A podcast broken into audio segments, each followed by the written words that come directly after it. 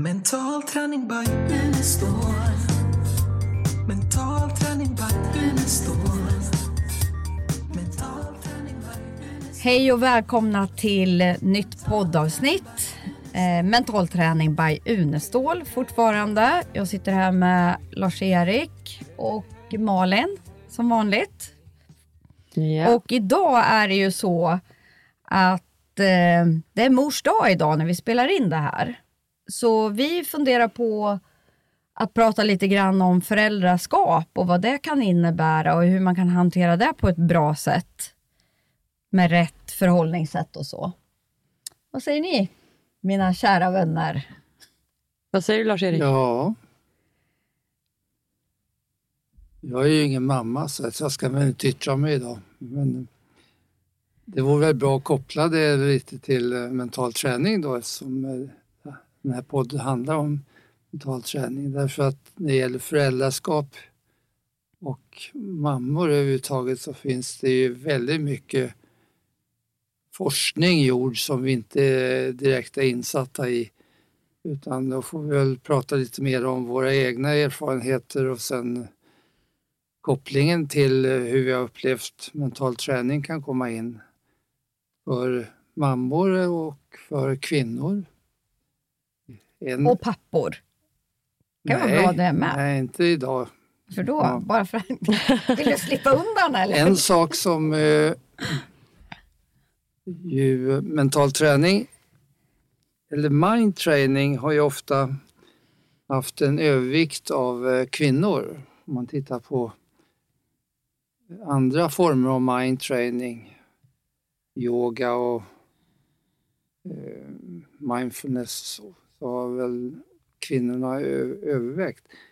I mental träning har det inte varit direkt så. Då. Det beror väl på att eh, mental träning blev så mycket kopplat till idrotten i början. Så att på det sättet kom väldigt många män in också när det gäller mental träning, inte bara kvinnor. Men eh, ett område som eh, mental träning har varit bara för kvinnor, det har ju varit eh, i samband med eh, förlossning och mödravårdsförberedelser. Det var ett av de första programmen vi gjorde, mödravårdsförberedelser med hjälp av mental träning. Och det användes ju på många mödravårdskliniker i Sverige under många år. Eh, och eh, det var ju uppdelat i två delar. Det ena var själva förberedelsen då, där man fick träna framförallt avslappning då eh, under tiden som man var gravid. Eh, för att sen kunna använda det i samband med förlossningen. Men det andra var ju då att använda, kan man säga, det här mentala träningen och det mentala rummet till att eh, förbereda förlossningen mentalt. Och det gällde ju inte minst de kvinnor som hade eh, vissa eh, rädslor inför förlossningen. Och då gäller det inte bara de som hade en, en fobi, för en, en, de som hade haft svår förlossning eh, och som upplevde aldrig mer en förlossning och sen blev gravida igen, då, då var det ju en svår problem där. Ska jag ta Ska jag ta eh, abort? Det vill jag ju inte. Å andra sidan så, så är jag så rädd för en ny förlossning att eh, och det blev en svår konflikt för vissa och där, där blev mental träning en, en väldigt viktig hjälp att få bort de här rädslorna som man hade från den första förlossningen. Eh, så att eh, det var, fanns olika grupper då som eh, hade det här med mödravårdsförberedelsen och nytta av den. Förutom de som överhuvudtaget, även förstagångsfödelser, kunde ju ha vissa rädslor inför förlossningen. Så dels träna avslappning och dels få bort rädslorna var väl en huvudingrediens i den här mödravårdsförberedelsen. Men så fanns det också ett program som man kunde använda under förlossningen. Eh, Medan, och då hade man nytta av den träning som man hade gjort innan. Och sen fanns det ett tredje program som hade med, med amning att göra. Att underlätta amningen. Så det var de tre delarna som... som Det finns ju fortfarande programmet. Ja, Jag, man behöver ju inte vara rädd för att liksom använda mental träning för att få till en bra förlossning. Nej, nej. Utan jag tycker ju att det är rätt så viktigt att träna det här oavsett, eller för alla. Ja. Men som du, du, måste ju ha, haft- du fick ju barn innan du hade jobbat med mentala träning och sen har du, fick du Angela efter. ja just det. Du kan berätta om eh, dina Ja, jag, fick ju, förlossningar. mina, jag hade ju tre, tre innan jag började med mental träning och två av dem var ju helvetesförlossningar kan man ju säga. liksom, det tog 52 timmar och en av dem slutade med akut kejsarsnitt. Eh, och en av de tre gick snabbt och effektivt. Men jag hade ju ändå inte förberett mig någonting med mental träning. Så att med Angela så, så tränar jag ju mentalt hela tiden och förberedde liksom hur jag ville att förlossningen skulle vara och att eh, den skulle vara, ja men liksom att det skulle vara behagligt. Och eh, jag även programmerade in eh, min vikt efteråt, vad jag skulle väga tre månader efter födseln, vilket klockade in på en gång. Alltså det var ju fantastiskt egentligen. Så egentligen när det var dags med Angela så hade jag ju knappt inga verkar alls. Alltså jag hade inte ont fast jag hade verkar. Så jag kommer ihåg, hade inte du frågat, ja men du, liksom, hur långt är det mellan verkarna? Jag kunde känna en liksom, liten lätt sammandragning bara. Och det var ju bara några minuter emellan och då fick ju du panik och skulle, vi skulle iväg på en gång. Och jag tyckte att ja, men det här kommer ta ett dygn till innan det här. Det är min erfarenhet Så du märkte en väldig skillnad. jätteskillnad. Så när jag kom in då var, ju liksom, då var det ju öppet 8 centimeter och det var, ju, de, det var ju ingen som fattade någonting där inne på BB. För jag gick ju som vanligt och jag hade ju knappt inte ont alltså. Så när, när, det väl, när det väl hade gått en, ja men 15-20 minuter och de skulle ju undersöka mig, då, var ju, då höll jag på att föda. Då gick ju fort som ögat. Mm. Så att eh, hon var ju ute på, ja men jag tror det var en 50 minuter bara. Och vi- hade ju speciell musik som, som jag kommer ihåg att Carita hade gjort. Och, alltså din dotter hade ju gjort speciell musik. Så de var ju lite konfunderade när vi började med, hade bandspelare med och så skulle ha speciell förlossningsmusik så det skulle, Angela skulle bli så harmonisk och allt vad vi hade för planer. Hon är ju liksom. harmonisk, det Ja, hjälpte hon. Ja, väldigt. Jo, och sen eh, när hon väl var född så ja, det var inte kvar mer än ett par timmar. Jag var ju jätteirriterad på det. Vi föd, hon föddes sju minuter i tre, du som gillar sjuor och treor. Kommer du ihåg det? Mm, det var hon programmerat in. det var, ja, precis. Och sen, eh, och sen eh, skulle jag duscha och klä på, drog på mig jeansen och så satt jag och väntade. Klockan var nio och han hade inte kommit än. Jag var ju hysterisk. så jag fick ju ringa och säga, nu får du komma hit och hämta upp oss. Liksom. Och sen åkte vi hit till eh, Kursgården. Då bodde vi inte här. Och sen eh, kom ju Pia Hellertz, kommer jag ihåg, och hon hade tårta med sig. Så vi satt med Angela här sex timmar senare och firade med tårta. Och sen eh, tredje dagen, då hade vi ju bokat biljetter sedan lång tidigare att vi skulle åka till Mallis då, till huset. Så Angela var väl två dagar när vi fixade pass åt henne. Ja, just det. Härligt. Och alla tyckte att vi var totalt galna. Åh, hur kan man åka iväg med en liten bebis? Åh, det var oansvarigt och det var inte bra. och Jag vet inte allt vad jag fick göra. Men Du, en, men en fråga, alltså, apropå det här med barn. Jag tänker, som många jag hör som ska bli mammor och sånt, de är rädda att bli som sina mammor. Att, liksom, att det ska upprepas. Och då tänker jag på mental träning kontra det här. Vad tänker ni? Att de är rädda för vad då? Att bli precis som sina mammor. Att man, man gör det som man kanske egentligen inte. Det finns ju för, grejer som har varit bra och mindre bra. Och så visar sig man så här, Åh, bara jag inte blir precis som min mamma. Nej. Och bara jobba, jobba med de bitarna för att det blir ju lätt att man gör samma. Eller också gör man helt tvärtom. Vad tänker ni på det? Om man tänker med mentala bitar och sådana, vad kan man påverka? jag tror att det är viktigt eh, liksom, att förbereda barnen på att de ska bli vuxna dessutom. Att Jag, vet, jag vet att jag har sagt till mina, njut medan ni bor hemma för att ni liksom lever lyxliv just nu. Den dagen ni, ni liksom ska klara er själva, det är då livet börjar. De ska liksom dra ihop till sin egen mat och sin egen hyra och ta hand om sig själva. Och som förälder så behöver man ju alltså, har förberett sig på att släppa sina barn. Alltså verkar klippa navelsträngen och se till att, att eh, de är vuxna. Och då ska ju vi ha, gå över till en annan relation där jag är vuxen och barnet är vuxet. Även om, liksom, hur gamla de än är. Så ska man, och det kan jag se rätt så många, att det är många föräldrar som, som äh, agerar som förälder. Liksom även fast man kanske är en 40-50 år och ska styra och ställa och bestämma och tala om vad man ska göra och hur det ska vara allting och vad som är rätt och fel. Så det, det tror jag är faktiskt rätt så viktigt att förbereda sig själv som förälder och även förbereda barnen. Mm.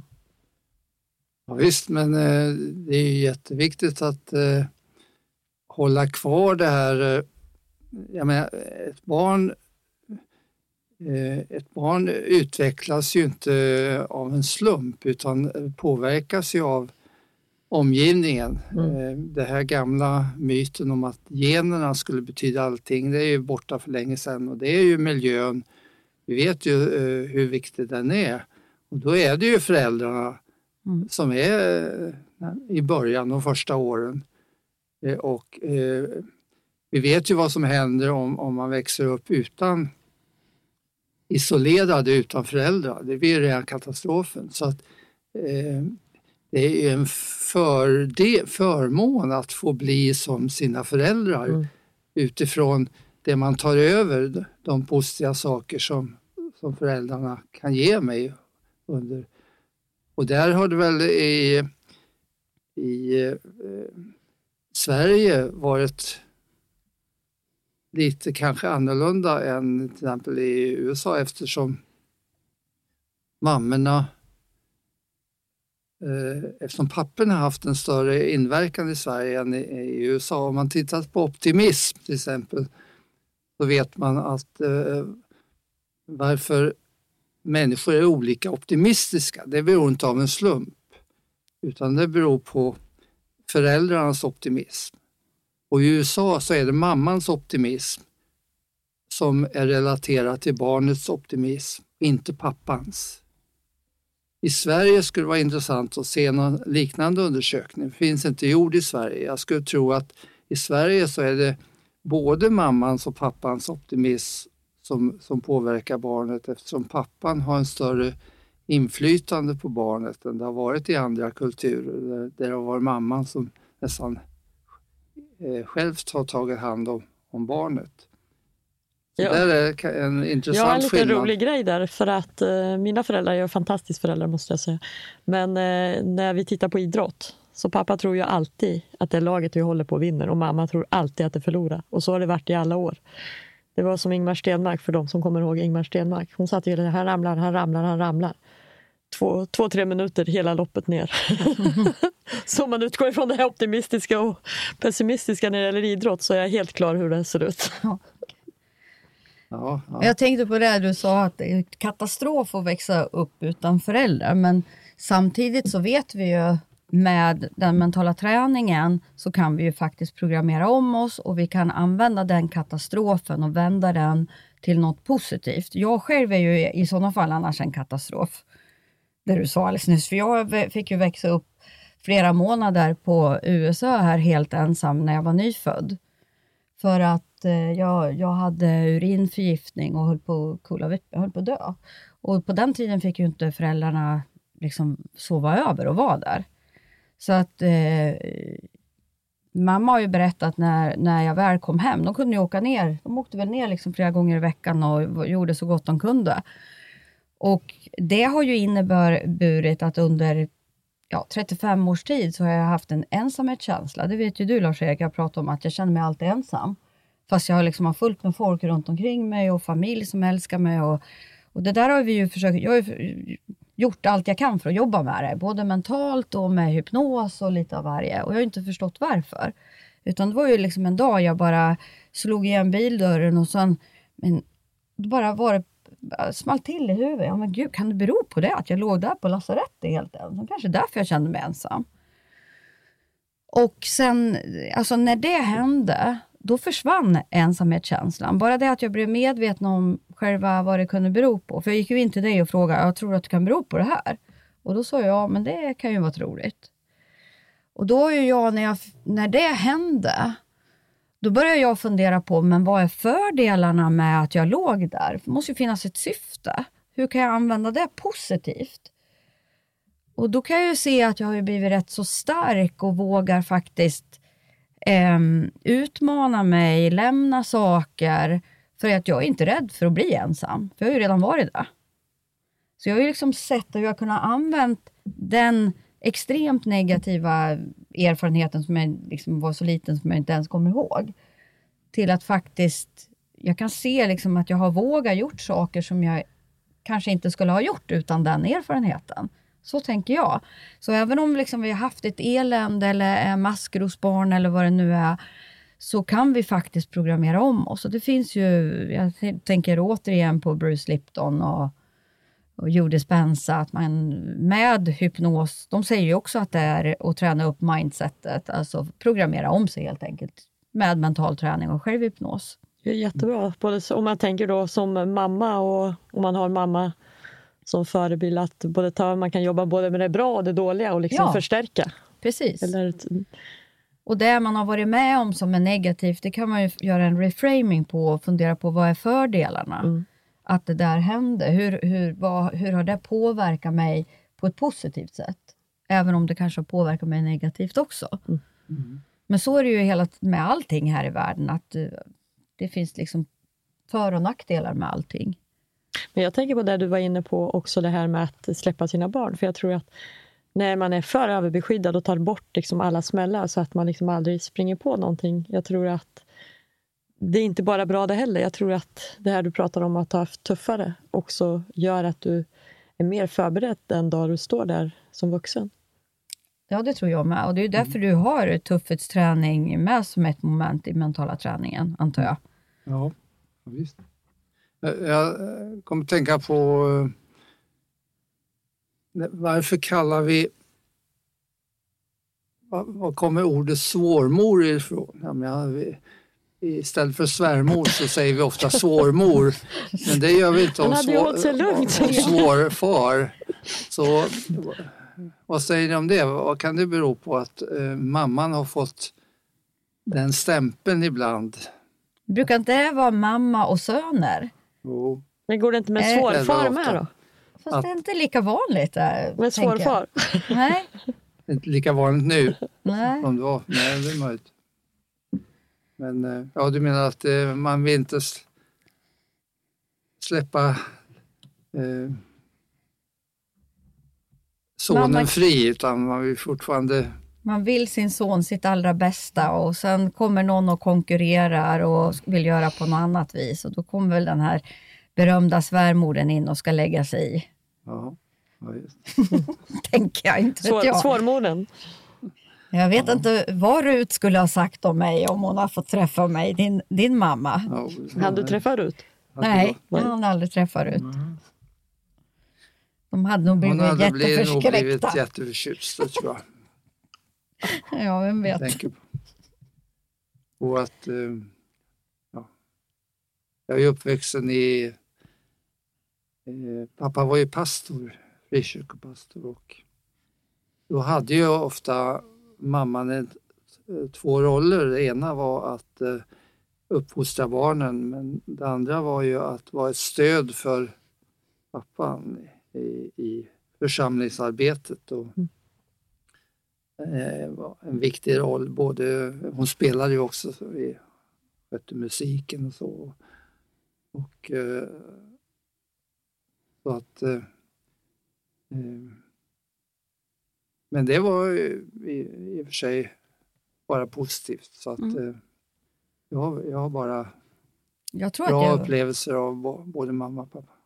men det har ju jag också. Jag, jag eh, Jag tror att jag växte upp i en rätt så ovanlig, i och med att det var rätt så jämlikt hemma vid oss. Alltså, runt, mina kompisars mammor var ju ofta hemma och bädda och städa och bredde smörgåsar och laga mat och höll på. Så var det ju inte hemma vid oss. Det var ju pappa som gjorde det, för mamma jobbar ju rätt så mycket på, på hon var ju kock och kallskänka på Laxbrogårdens hotell. Och pappa var ju murare. Så att eh, han bakade ju och städade och tog hand om oss, och, eller mig i alla fall. Det skiljer ju rätt så mycket mellan 6-7 år mellan mina äldre syskon. Jag var ju med han, eh, så jag, jag har ju liksom varit med, liksom fått hjälp till med allt möjligt. Jag var ju med när han murade på helgen och sånt där. Då klättrade jag var ju med uppe på taket och langade tegelstenar och då kanske jag var en sju, åtta år och alla trodde ju jag var en pojk. Vad heter den där söta lilla pojken? Och jag bara stod och frustade och var skitarg. Så att, ja. Ja, jag, jag Och ser jag på- ser ju också hur jag har blivit präglad. Mamma hade ju ofta snabba små sportbilar och sånt där. Det var därför jag gillar bilar antar jag också. Jag tror att det men jag har ju två äldre bröder och men mamma och pappa har ju varit, mamma har ju varit oerhört sportintresserad. Hon är 88, det är ganska ovanligt. Hon har ju varit, spelat både handboll och fotboll i 88 år, var med och startade handbollsförening och, och allt sånt. Och hon har ju alltid känt sig lite udda som hon säger att hon hade sportintresset och de andra de ville sticka och virka och sy och, Ja. och det var liksom sådär. Så hon har inte förstått att det var ett intresse. Det har hon liksom förstått när vi har pratat på senare år att ja, men jag har ju alltid varit intresserad av idrott fast det räknar inte hon som intresse för det var ju om man sticka eller baka eller laga mat eller tog hand om Ja. barnen. Hon älskar att följa med på och skjutsa oss och hämta oss och vara med på idrotten. Så det, det är lite annorlunda. Så kanske därför man har blivit sportfån. Kanske det, ja. ja. Eller hur? Ja, det är häftigt med mammor och pappor och föräldraskap. Det finns väl en hel... Det, det finns ju en del som har föräldrautbildning. För egentligen skulle, skulle, ju, sku- skulle vi alla innan man skaffar barn behöva gå en föräldrautbildning liksom, och verkligen ta reda på och även hur barn utvecklas, så att man vet vad är det jag ska... Om vi säger bara med språket och liksom... eh, vad- Tre, vad ska man- treårig examen i att vara förälder. Vi var ju, eh,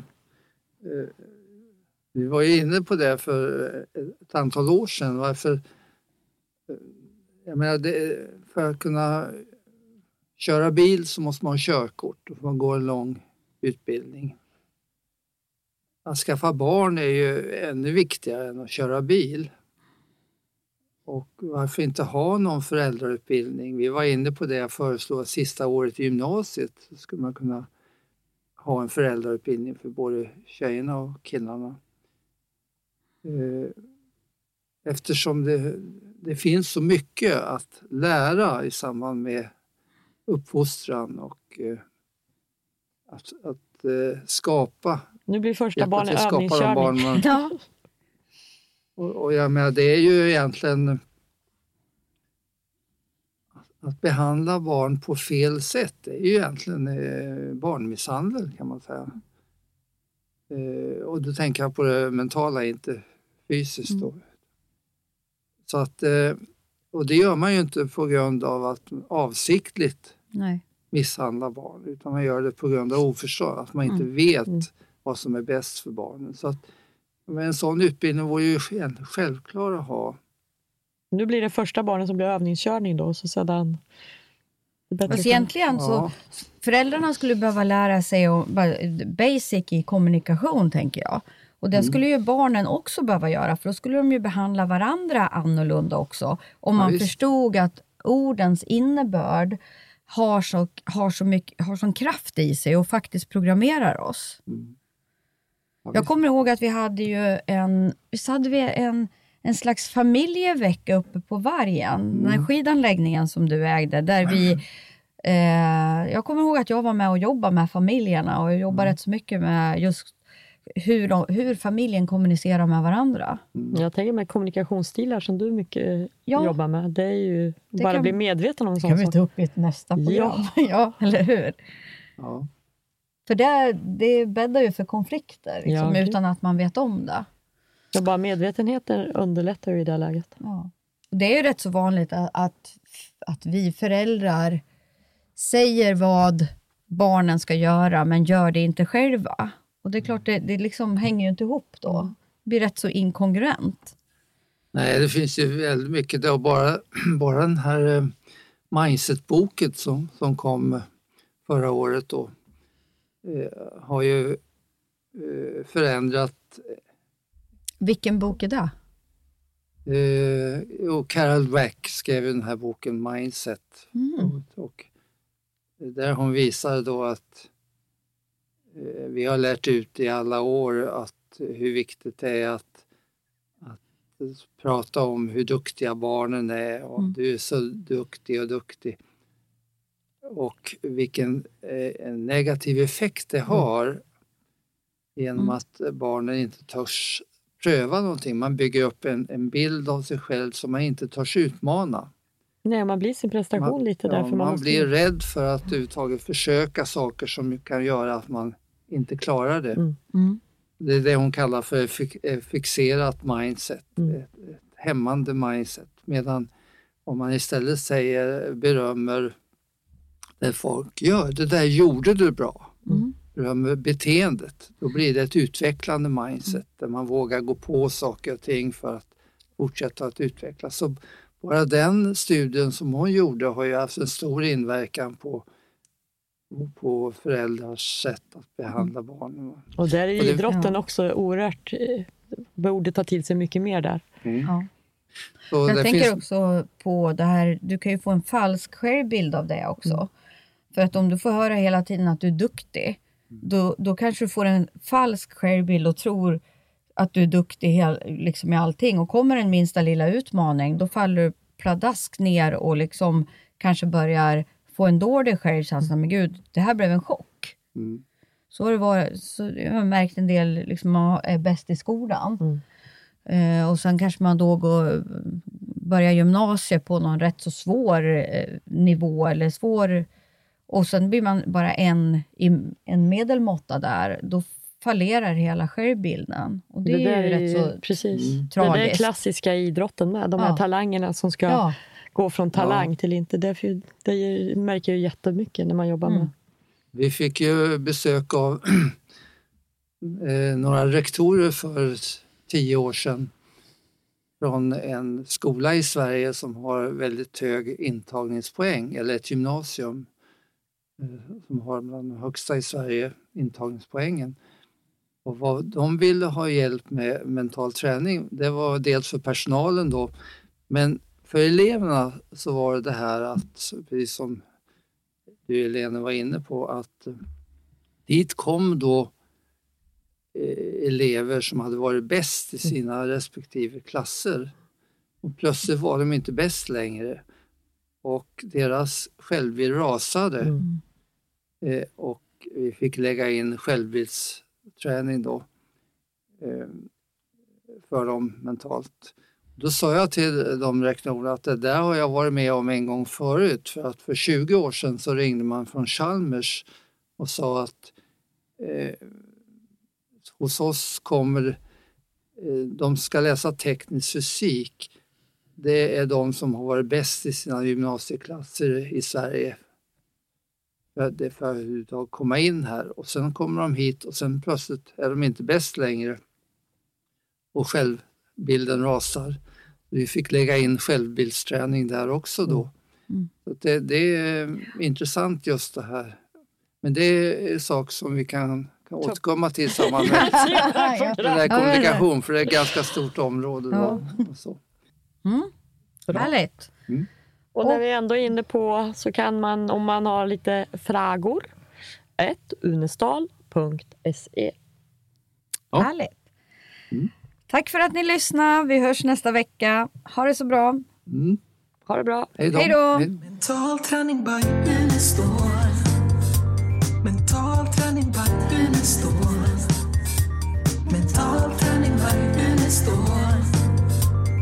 It's all coming back and it's the one. Baby,